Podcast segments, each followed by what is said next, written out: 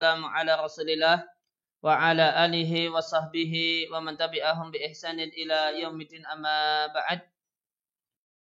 Kaum muslimin dan muslimah pendengar Radio Muslim Yogyakarta rahimani wa rahimakumullah kembali kita lanjutkan kajian materi kajian pengantar dengan membahas kitab nikah dari kitab Manhajus Salikin karya Syekh Abdurrahman Ibn Nasir As-Sa'di rahimallahu taala. Dalam kesempatan malam hari ini kita masuk pada pembahasan baru yaitu kitab Sodak ya, bab tentang mahar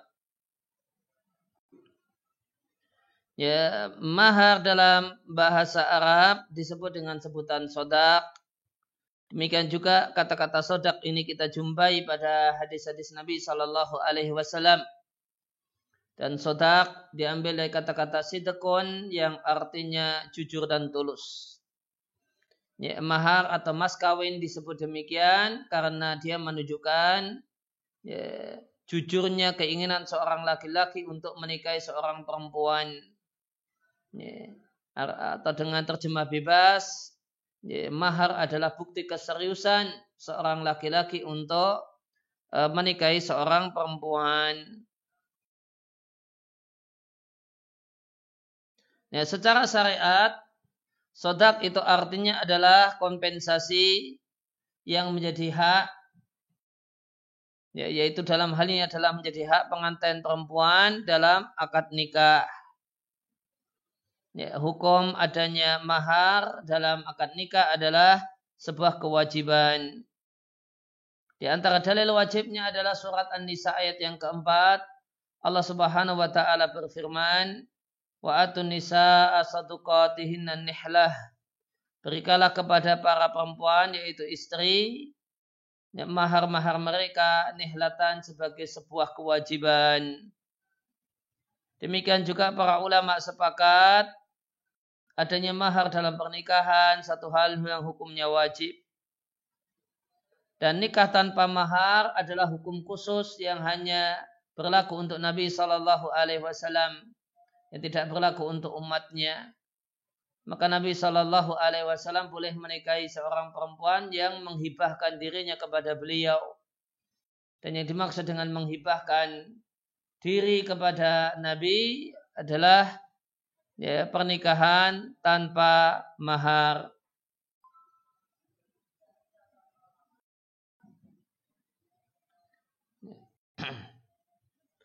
Berkenaan dengan ukuran atau besaran mahar, maka di kitab ini di Manhajus Salikin disampaikan oleh penulis rahimallahu taala yang bagi takhfifuhu. Ya, sepatutnya ya, ya diringankan. Mahar jangan berat-berat jangan mahal-mahal lalu gambarannya berapa mahar yang ringan ternyata mahar yang ringan ini tetap tapi kalau kita lihat ke dalil mahar yang ringan yang ada di hadis itu tetap berat kalau untuk ukuran laki-laki jumlah di Indonesia. Ya, kita lihat masih di Manhajus Salikin wasuilat Aisyah radhiyallahu anha. Ibunda Aisyah radhiyallahu anha ditanya, "Kam kana sodakun Nabi sallallahu alaihi wasallam?" Berapa besaran mahar yang diberikan oleh Nabi sallallahu alaihi wasallam ketika menikahi istri-istrinya? Qalat ibunda Aisyah radhiallahu anha mengatakan kana sodakuhu li aswajihi adalah maharnya Nabi Shallallahu Alaihi Wasallam ketika menikah istrinya itu sintai asrota uqiyatan wa nasyan adalah 12 uqiyah dan nash. Qalat Ya, Ibunda Aisyah bertanya, "Atadri man nasyu?" Apakah engkau tahu berapa itu nasyu? Maka rawi mengatakan, aku tidak tahu. Kemudian Ibunda Aisyah mengatakan, nisfu uqiyatin setengah uqiyah. Berarti 12 setengah uqiyah. Dan totalnya berapa? Ya, totalnya adalah khamsumi'ati dirhamin 500 dirham. Ya, 500 dirham itu maharnya Nabi Shallallahu Alaihi Wasallam dan itu gambaran mahar yang murah di masa Nabi Shallallahu Alaihi Wasallam. Nanti nanti namun nanti akan kita bahas untuk ukuran lelaki jomblo di Indonesia itu tetap sangat mahal. Ya. Ya maka dianjurkan untuk memurahkan mahar dalam rangka meneladani perbuatan Nabi Shallallahu Alaihi Wasallam dan kadar maharnya Nabi Shallallahu Alaihi Wasallam ketika menikah itu sebagaimana ditanyakan oleh Abu Salamah bin Abdurrahman ibn Auf ya berarti anaknya Abdurrahman bin Auf bertanya kepada ibunda Aisyah, berapa mahar Nabi Shallallahu Alaihi Wasallam ketika menikah? Ya, maka kesimpulannya dari 500 dirham. Diatkan oleh Muslim.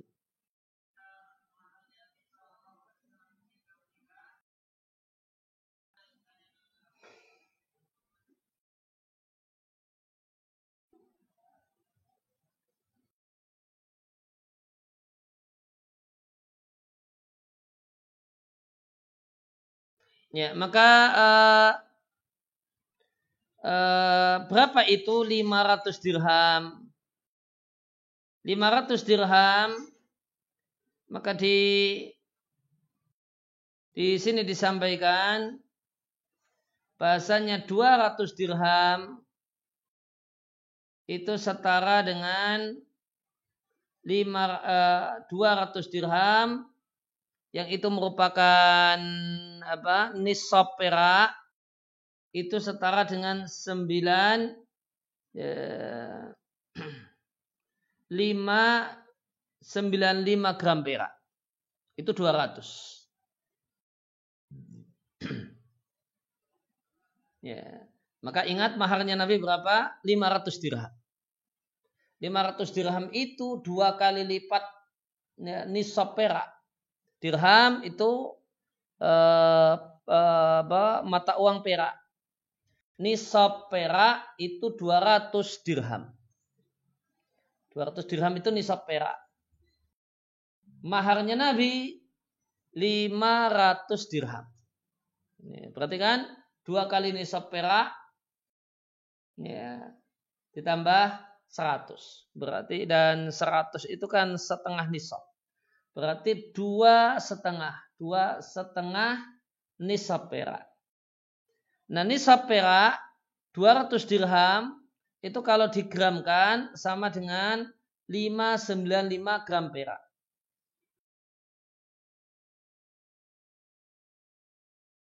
Sehingga 500 dirham itu sama dengan Bapak di sini disampaikan 500 dirham itu sama dengan 1487 setengah gram. Nah, 1000 itu berarti satu kilo ya. Nah, satu kilo perak lebih.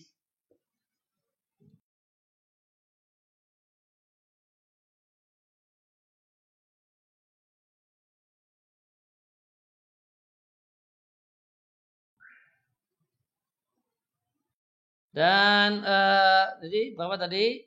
Seribu seribu empat ratus delapan puluh tujuh setengah. Setengahnya kita naikkan ya berarti jadi berapa? Seribu empat ratus delapan puluh delapan gitu.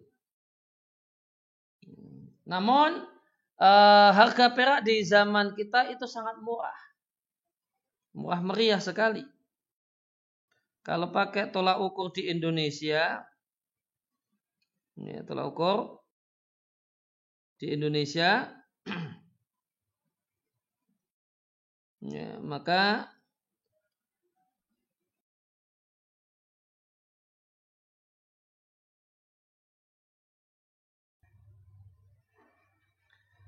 Uh, kurang lebih harga perak sekarang ini 8.750 cuma 9.000 anggap aja 10.000 Hmm, anggap saja 10 ribu.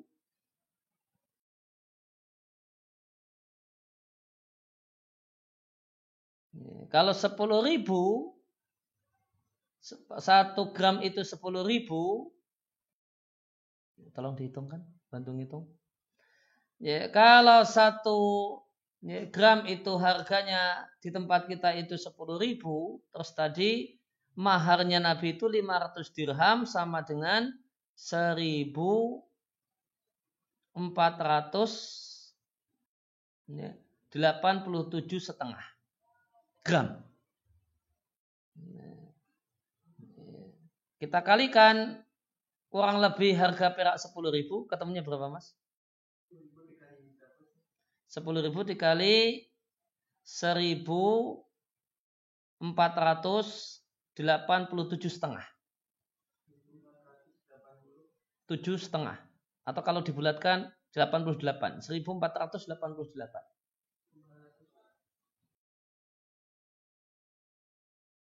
Kalikan 10 ribu. Nah, cuma 14 juta. Berapa? 14 juta 800. Ya, anggap saja 15 juta. Cuma eh, 15 juta itu eh, maharnya maharnya Nabi ketika menikah itu kurang lebih 15 juta. Ya, uang nilainya 15 juta itu kalau pakai kurs kurs perak ya, di tempat kita saat ini. Yang itu sebenarnya ya kurang. Kenapa kurang? Ya. Karena posisi perak di zaman Nabi itu dengan emas itu itu kuat. Ya perlu diketahui bahwasanya Satu dinar jika dikoskan di masa Nabi Shallallahu Alaihi Wasallam di masa Nabi satu dinar itu sama dengan 12 dirham. Selisihnya adalah satu banding 12. Sedangkan dinar dan dirham di masa sekarang itu perbandingannya bukan satu banding dua belas. Ya.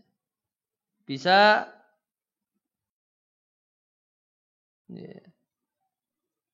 Bisa satu banding lima puluh dua. Jadi kalau mau kemudian gambaran real eh, maharnya Nabi ya lebih bagus kalau mengacu pada pada harga emas.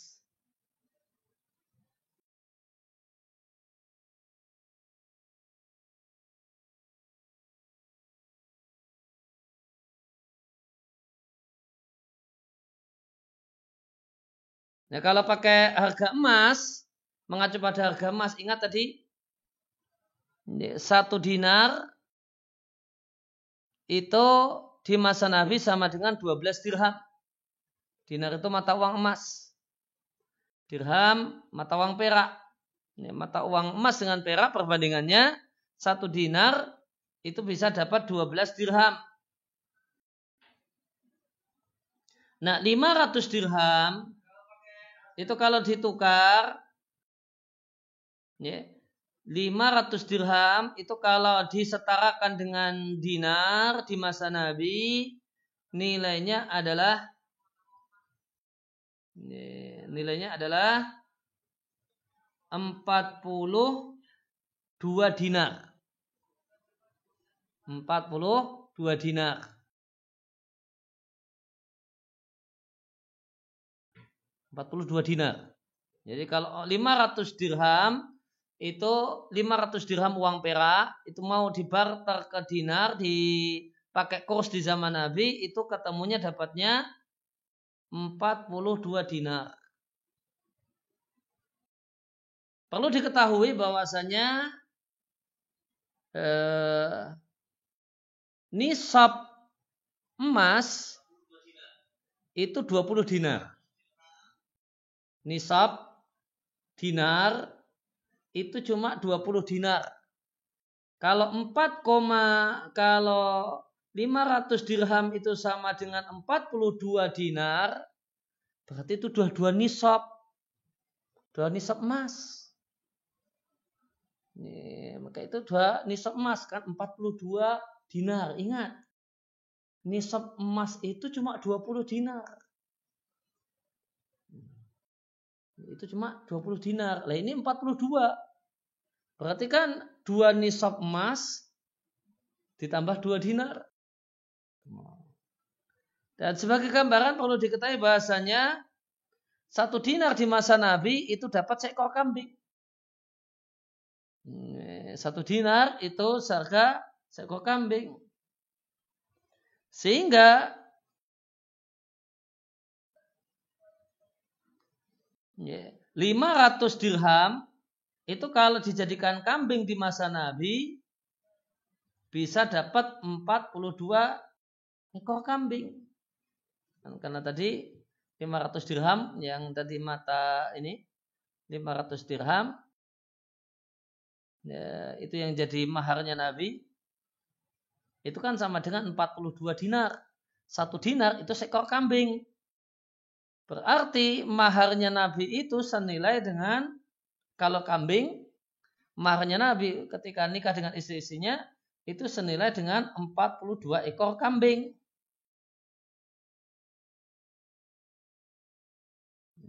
42 ekor kambing. Harga kambing di tempat kita. Nah, harga kambing di tempat kita ya, sekian ya. Berarti kalau Uh, kalau mau, uh, mau ngacu pada kambing, 42 ekor kambing sama dengan 42 dinar. Ya, kalau seekor kambing itu 2 juta. Satu ekor kambing itu uh, eh, 2 juta. Maka 40 42 ekor kambing kan berarti 80 juta ditambah duanya ya, Eh, dua ekor kambingnya empat. Berarti 84 juta. Itu kalau pakai tolak ukur kambing. Ini itu kalau pakai tolak ukur kambing. Nah, emas itu di era pandemi ini, nah, harga emas kan naik. Ingat, tadi maharnya Nabi itu sama dengan 42 dinar. Dan nisab emas itu 20 dinar. Dan nisab emas itu sama dengan 85 gram emas. Satu nisab emas, satu nisab zakat emas di tempat kita kurang lebih 70 juta. Ya, dua nisab padahal. Ya, maka kalau pakai kurang lebih tadi 70, ya, ya, 72 70 juta ya dua nisab kan berarti 140 juta. 140 juta. Nah, itu mahar murah meriah atau mahar uh, murah di zaman Nabi. Mahar murah di zaman Nabi itu ternyata kalau pakai kambing tadi nih, dapat 42 ekor kambing. Nih, kalau pakai harga kambing ya seekor kambing itu 2 juta. Ya, mungkin 2 juta itu baru kambing kecil ya dua setengah dan sekitarnya ya, maka ya, 80-an juta itu maharnya. Ya, kalau pakai mengacu pada nisab 42 dinar padahal satu dinar apa padahal nisab dinar itu 20 dinar 20 dinar itu 80 85 gram emas. Itu 20 dinar. Ya, tolong batung hitung maka kalau ya, jadi Dua nisab berarti 85 kali dua berapa mas? 170 gram. Ini ditambah eh, tadi kan 42. Dua itu, dua gram itu sama dengan eh, empat, empat, eh, ya, empat, eh, empat seperempat kali dengan dua delapan delapan setengah delapan setengah gram berarti tadi berapa tambahkan delapan setengah Hmm. 100 178 gram emas. Itu um, uh, itu mahar yang dianggap uh, itu maharnya Nabi ketika nikah. Dan ini di kitab-kitab fikih disebut dengan mahar yang murah. Mem memurahkan mahar. Mahar yang murah ternyata ya, ya, kalau pakai timbangan emas berapa, berapa tadi mas? 187 gram emas. Ya. 178 gram emas. Ya, itu ya, itu kalau mengacu kepada pada gram emas. Jadi ya ya, ya dan itu di kitab fikih sebagaimana di sini di Manhajus Salikin dikatakan itu adalah mahar yang murah. Jadi mahar yang murah itu masih 100 berapa Mas? 178 gram emas atau 42 ekor kambing. Nah, itu mahar murah. Nah, mahar murah itu kalau untuk ukuran lelaki jomblo di Indonesia mahar murah di masa Nabi nilainya segitu, itu kalau dibawa ke standar jomblo di tempat kita, itu ya, itu, itu ternyata masih mahal sekali ternyata. Ya. Ternyata masih mahal, mahal sekali. Ya, 80 sampai 100 juta itu untuk baru maharnya belum walimahnya. Ya, jadi kalau standarnya ngikuti standar mahar rata-ratanya Nabi, itu ternyata kalau kita bawa ke negeri kita, ya, itu tergolong mahal. Ya, jadi kalau yang terkenal cukup mahal di tempat kita, itu biasanya uh, kalau ya, nikah dapat orang Sulawesi gitu, ya, itu terhitung mahal. Banyak yang mengeluhkan mahal, ini dalam rangka membela dalam tanda kutip membela orang Sulawesi, oh enggak, itu masih murah itu. Itu masih uh, standar mahar di masa Nabi atau bahkan kurang dari mahar di masa Nabi. Ya, ringkasnya yang ingin kami sampaikan bahwasanya tolak ukur uh, maka dianjurkan untuk memurahkan mahar atau mas kawin. Nah tolak ukur murah itu kembali kepada budaya masyarakat. Ya, jadi kalau kembali kalau ya, man, eh, segitu itu nilainya itu dianggap murah atau kemudian tidak memberatkan, ya itu sudah mahar yang murah. Ya. Dan kalau umumnya di di Jawa, di Jawa Tengah, di Jogja dan sekitarnya, mahar itu seperangkat alat sholat. Wah itu Berarti sudah kalau pakai tolak ukurnya zaman Nabi yang tadi 42 ekor kambing. Atau kemudian ya, dua kali nisab emas. Ya, bahkan lebih dari itu, lebih sedikit dari itu. Ya, maka mahar ya, di mahar pernikahan di Jogja, Jawa Tengah dan sekitarnya itu berarti terlalu murah kalau begitu ya.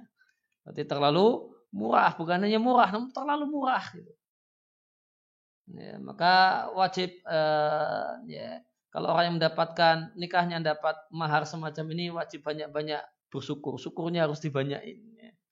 Coba pakai standarnya Nabi 500 dirham, ya 500 dirham, 42 dinar sama dengan 42 ekor kambing. Nah, itu sudah kepayahan itu.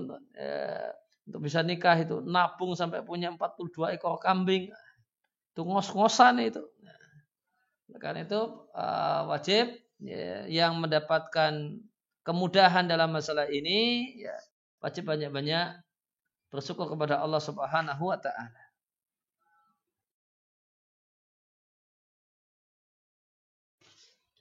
Ya, kembali ke Ya, ke matan, ya, tadi sudah kita baca ya. Kadar miqdar sadaqin Nabi, kadar maharnya Nabi sallallahu alaihi wasallam kepada istrinya, qal Abu Salamah ibn Abdurrahman ibn Auf, ya, Abu Salamah Ibn Abdurrahman bin Auf uh, bertanya kepada Ibunda Aisyah, berapakah maharnya Nabi Shallallahu Alaihi Wasallam? Maka Ibunda Aisyah mengatakan adalah maharnya Nabi Shallallahu Alaihi Wasallam untuk istri beliau adalah 12 setengah ukiyah.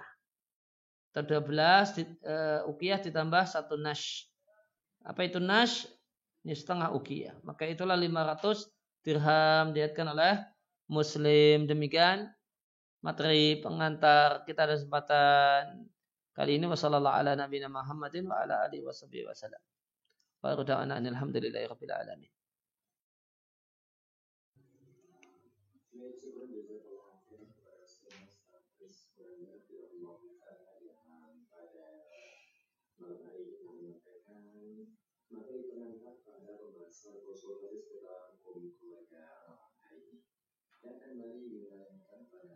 Dan kembali semua muslim di mana pun uh, muslim berada.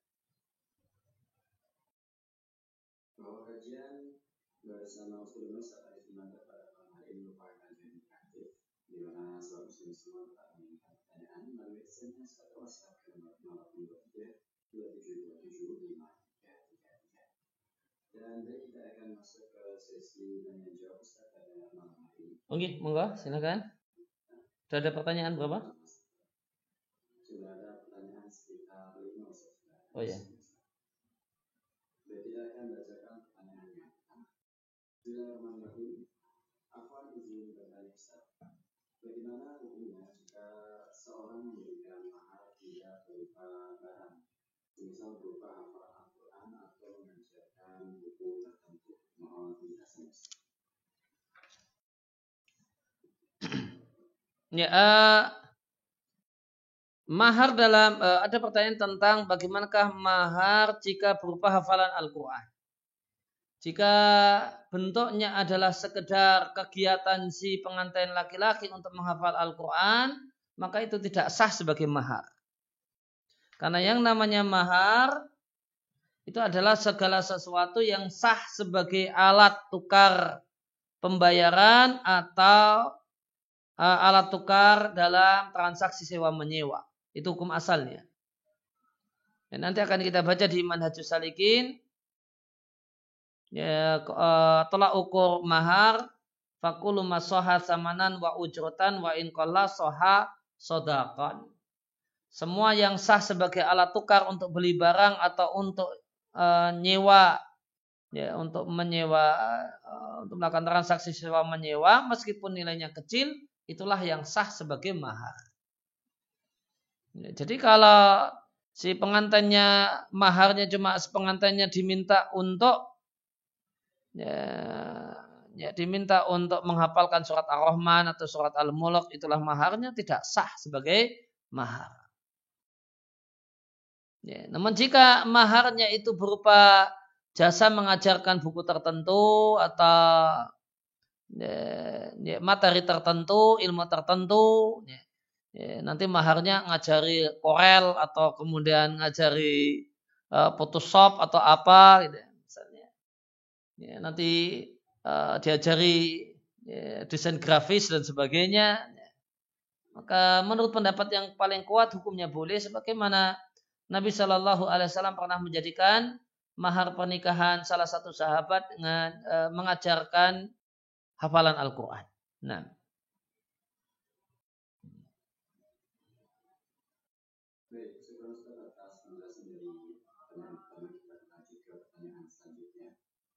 Bismillahirrahmanirrahim.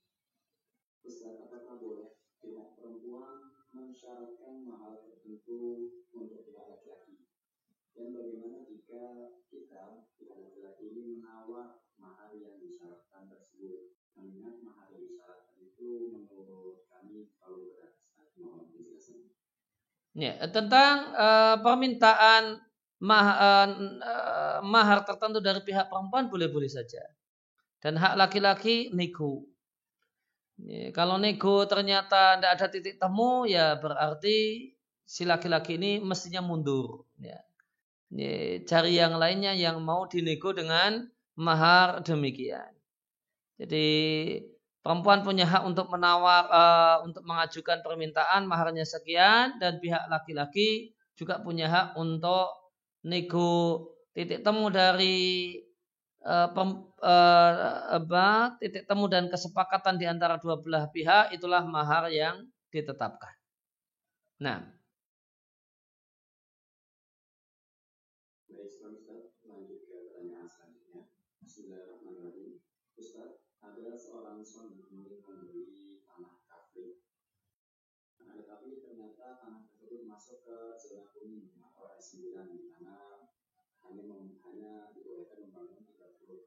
sisanya untuk penyerapan.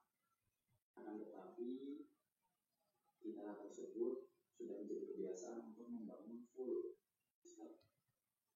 Kalau sebagian orang biasa melanggar ketentuan tersebut atau ketentuan dari Ustaz, dan itu sudah menjadi hal yang biasa, bolehkah memberi tanah tersebut dan dibangun full mengingat mahalnya harga tanah di ibu kota Ustaz? Mohon Eh, berkenaan dengan pembelian tanah di daerah uh, di daerah kuning dan berdasarkan informasi yang saya ketahui bahasanya zona itu bisa berubah-ubah tergantung kebijakan kepala daerah setempat. Maka kalau dari sisi keabsahan maka sah-sah saja beli tanah di situ. Tidak mengapa gitu. Kemudian uh, Ya, kalau itu dari sisi beli, kemudian dari sisi bangun. Gimana kalau kita bangun full padahal ketentuannya tidak boleh demikian? Ya, maka jika ya, jika tidak ber, uh, tidak kemudian berimbas uh, hukum ini dan itu karena uh, yang itu jadi problem bagi seorang muslim, jika tidak ada imbasnya maka tidak mengapa Meskipun kemudian mentaatinya itu satu hal yang lebih baik. Namun seandainya dia memerlukannya ya, karena di daerah yang uh, lebih dekat atau kemudian uh, lebih dekat ke kota itu lebih mahal lagi, mampunya di situ, ya, maka ya, dia tidak ada dampak negatif untuknya atau kemudian dia siap seandainya ada tindakan tegas dari pemerintah seputar ya, apa, bangunan ya, uh, fullnya bangunan dia siap dengan hal tersebut ya, dan itu telah jadi kebutuhannya untuk bertempat tinggal untuk punya tempat tinggal maka tidak mengapa. Nah. Baik, sebelum kita akan lanjut ke pertanyaan selanjutnya. Bismillahirrahmanirrahim. Ustaz, kapankah mahar ditentukan sebelum kita atau setelahnya dan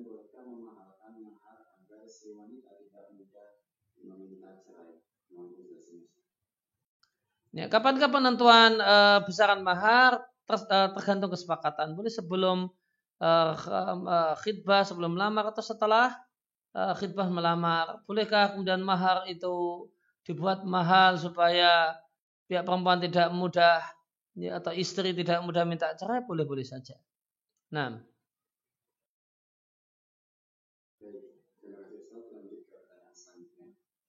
Bismillahirrahmanirrahim. Ustaz, anak ingin bertanya, apa hukumnya jika suami selalu memihak kepada orang lain, contohnya tetangga Ustaz, daripada ke istrinya?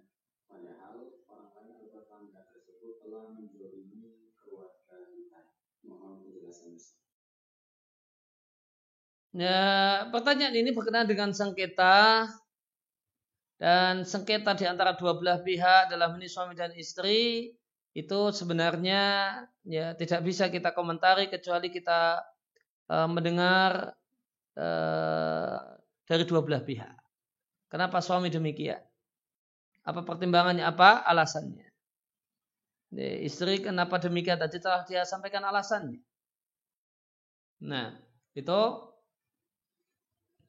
maka dalam hal ini di satu sisi namun terlepas dari itu semua ada mungkin hal yang lebih general yang ingin saya sampaikan. Seorang muslim wajib bersikap adil. Kalau memang istrinya keliru ya dia katakan keliru. Tidak boleh dia katakan ya, dia benar karena dia istri saya.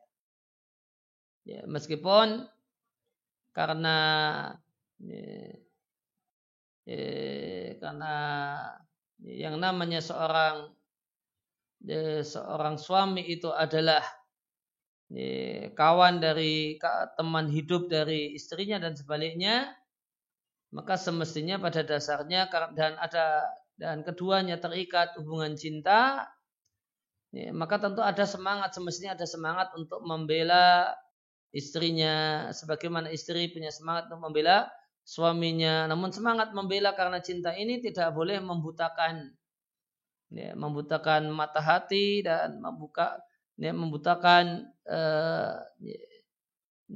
ya, membutakan mata dan membutakan mata hati ya, seorang muslim wajib adil iduluhu akrabul taqwa karena sikap adil yaitu objektif itulah yang lebih dekat kepada takwa nah, adil dalam bahasa keseharian kita itu terjemahnya objektif. Objektif itu bagaimana? Ya kalau istrinya salah katakan salah. Tidak kemudian dibela-bela dengan alasan semata-mata kalau itu istri. Demikian juga kalau ya, orang lain itu yang benar, eh, orang lain itu salah, tetangga salah, maka katakan salah.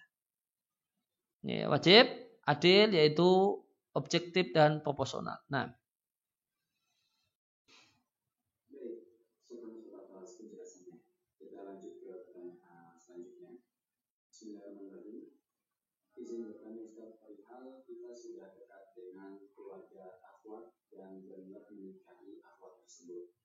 Akan tetapi kita meminta syarat untuk menunggu satu sampai dua tahun secara syariat itu bagaimana Ustaz? Tetapi keluarga akhwat tersebut setuju akan syarat tersebut. Mohon penjelasan.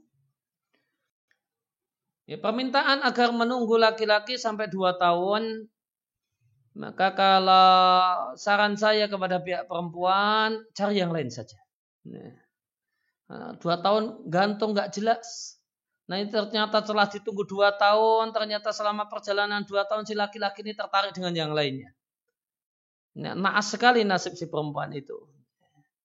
Oleh karena itu, dan ini sering kali terjadi.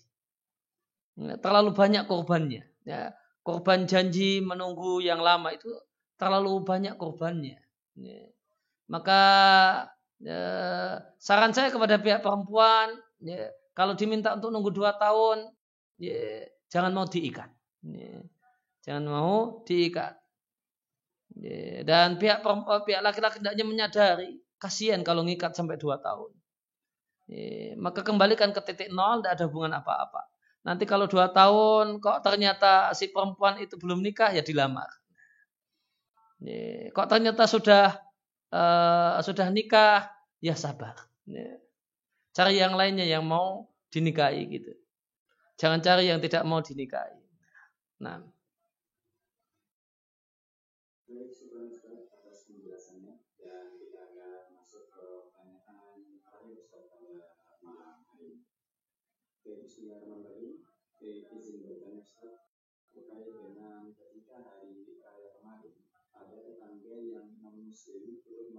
Dan mereka berbagi makanan kepada kami dalam rangka hidup bahagia dan toleransi dalam mereka Bagaimana hukum menerima makanan tersebut Ustaz? Mohon penjelasan. Eh, menerima makanan dari tetangga non muslim ya maka kami sarankan untuk dibalas segera dibalas dengan yang senilai. Sehingga kita tidak punya hutang budi. Sehingga kita tidak punya sungkan iwah pekewoh nanti ketika mereka merayakan hari rayanya. Kemudian nanti mereka kemudian komentar, kemarin kami ikut merayakan lo begini-begini kok tidak ada timbal balik. Maka sekarang sebelum itu terjadi, balas ya, kebaikannya senilai bahkan lebih baik daripada hadiah yang dia berikan. Sehingga kita ya, bisa menjalankan agama kita tanpa dengan perasaan tanpa ganjalan, dengan perasaan yang nyaman. Ya, kita bisa mengamalkan ajaran agama kita ketika mereka punya hari raya, ya kita tidak ikut-ikut dan campur tangan dengan uh, hari rayanya. Nah.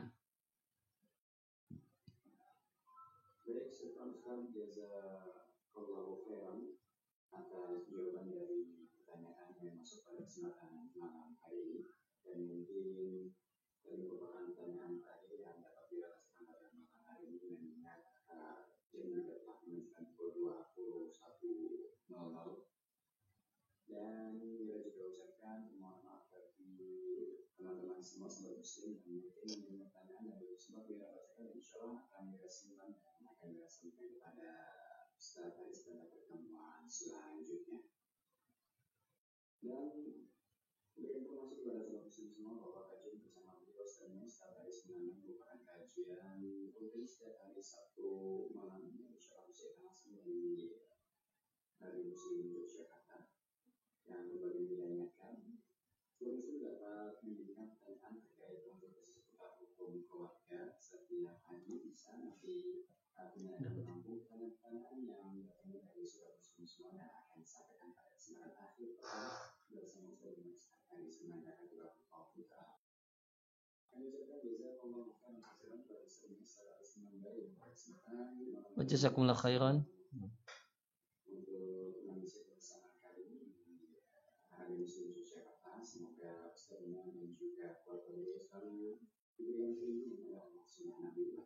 Amin.